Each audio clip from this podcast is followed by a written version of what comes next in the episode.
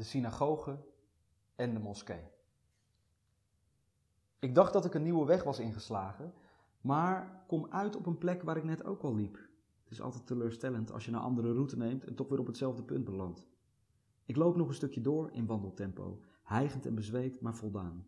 Mijn hoofd is stil. Ik blijf staan en rust met mijn handen op mijn knieën. Aan een hek achter me wappert een vlag van de Abelpartij. Er klinkt zacht gehum, een rasperige mannenstem.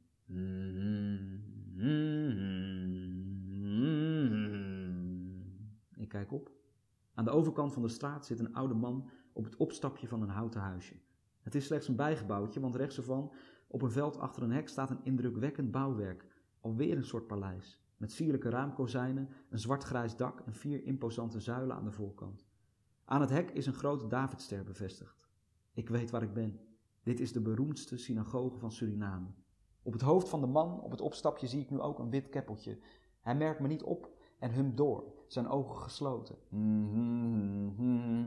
Links van waar hij zit staat het andere bouwwerk, dat deze plek in combinatie met de synagoge zo beroemd maakt.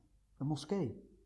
Dichtte ik het ontwerp van Fort Zeelandia al toe aan Anton Pieck, de moskee is als de Fata Morgana in de Efteling. Sierlijk en gracieus, een koepel in het midden, vier vergulde minaretten, één op elke hoek. Zo staan die twee gebedshuizen pal naast elkaar.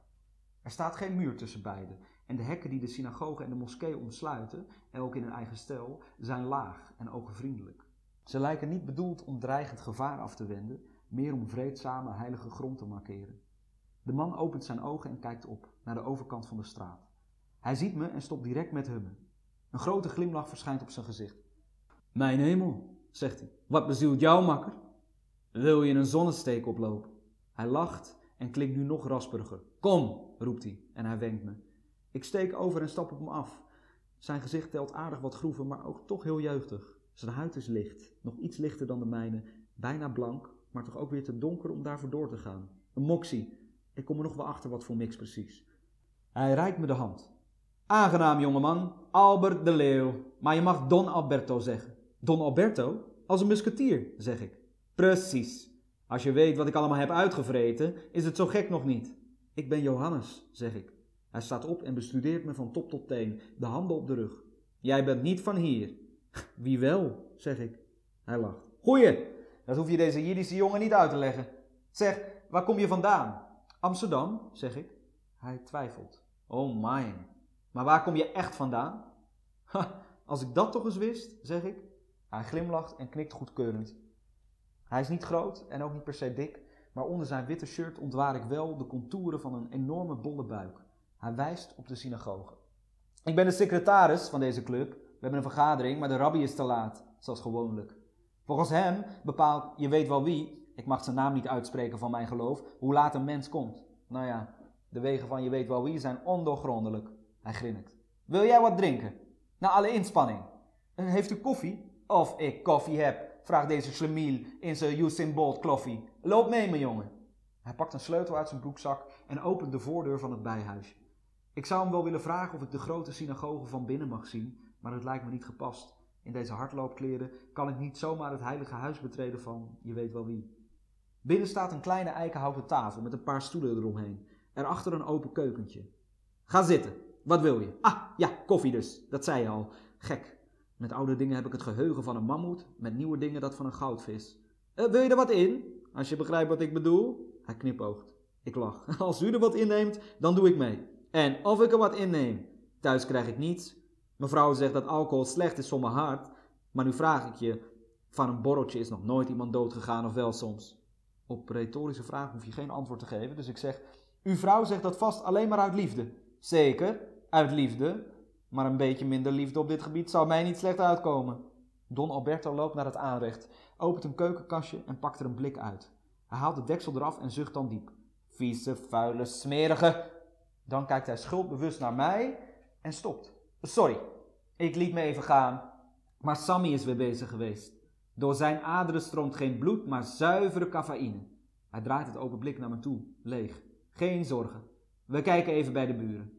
Hij zet het blik neer en snelt naar de voordeur.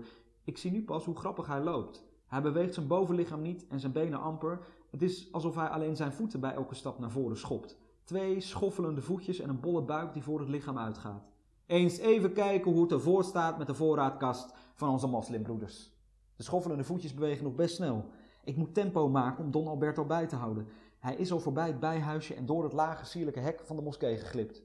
De kinderen van Allah hebben vast nog wat gemalen koffieboontjes liggen, zegt hij. Ik kom naast hem lopen. Dan zegt hij, iets zachter, geloof mij, het is als Jood moeilijk om een moslim 100% te vertrouwen, maar in Suriname kun je tot 80% komen. We staan nu voor de moskee. Don Alberto kijkt onderzoekend omhoog. Met zijn handen maakt hij een spreektrecht en roept: Rashid, Rashid, je makker Bertje heeft je nodig. Hij kijkt naar mij en zegt: De beheerder, een maatje van me. Zul je net zien dat die Schlemila niet is of in een gebed zit. Die mensen bidden vaker dan ze eten, dus Don Alberto zal wel weer op het verkeerde moment aankomen kakken. Tot mijn verbazing klinkt er meteen daarna gerommel vanaf het balkon. Een deur wordt opengedraaid en er loopt een mannetje naar buiten, een jaar of vijftig. Hij draagt geen jalabba.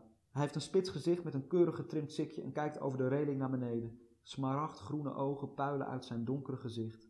Als hij Don Alberto ziet, moet hij breed glimlachen. Don Alberto, zegt hij met een hoge nasale stem. Rashid, wat zie je er weer uit? Alsof je onder een bestelbus gelegen hebt. Dank je, Albertino. En jij bent op weg naar je eigen crematie, zie ik. Wij doen niet aan crematies, vriend. Hoe vaak moet ik je dat nog uitleggen? Leg het me nog maar een keer uit. Je hebt Alzheimer, jij. Wat in jouw geval best een aanrader is, dan vergeet je tenminste hoe lelijk je bent. Rashid moet lachen. Dan kijkt hij naar mij. Je hebt vast al kennis gemaakt met die complimenteuze Jood. Ik knik beleefd. Dit is Johannes, zegt Alberto. Een reiziger uit Amsterdam. Hij is aan het trainen voor de Olympische Spelen. Rashid bestudeert mijn hardloopoutfit, front zijn wenkbrauwen. Ach ja, de Olympische Spelen. Onderdeel schoonspringen. En nu wil ik die jongen graag een kop koffie aanbieden, maar Sammy heeft alles opgemaakt. Mijn gunst, zegt Rashid.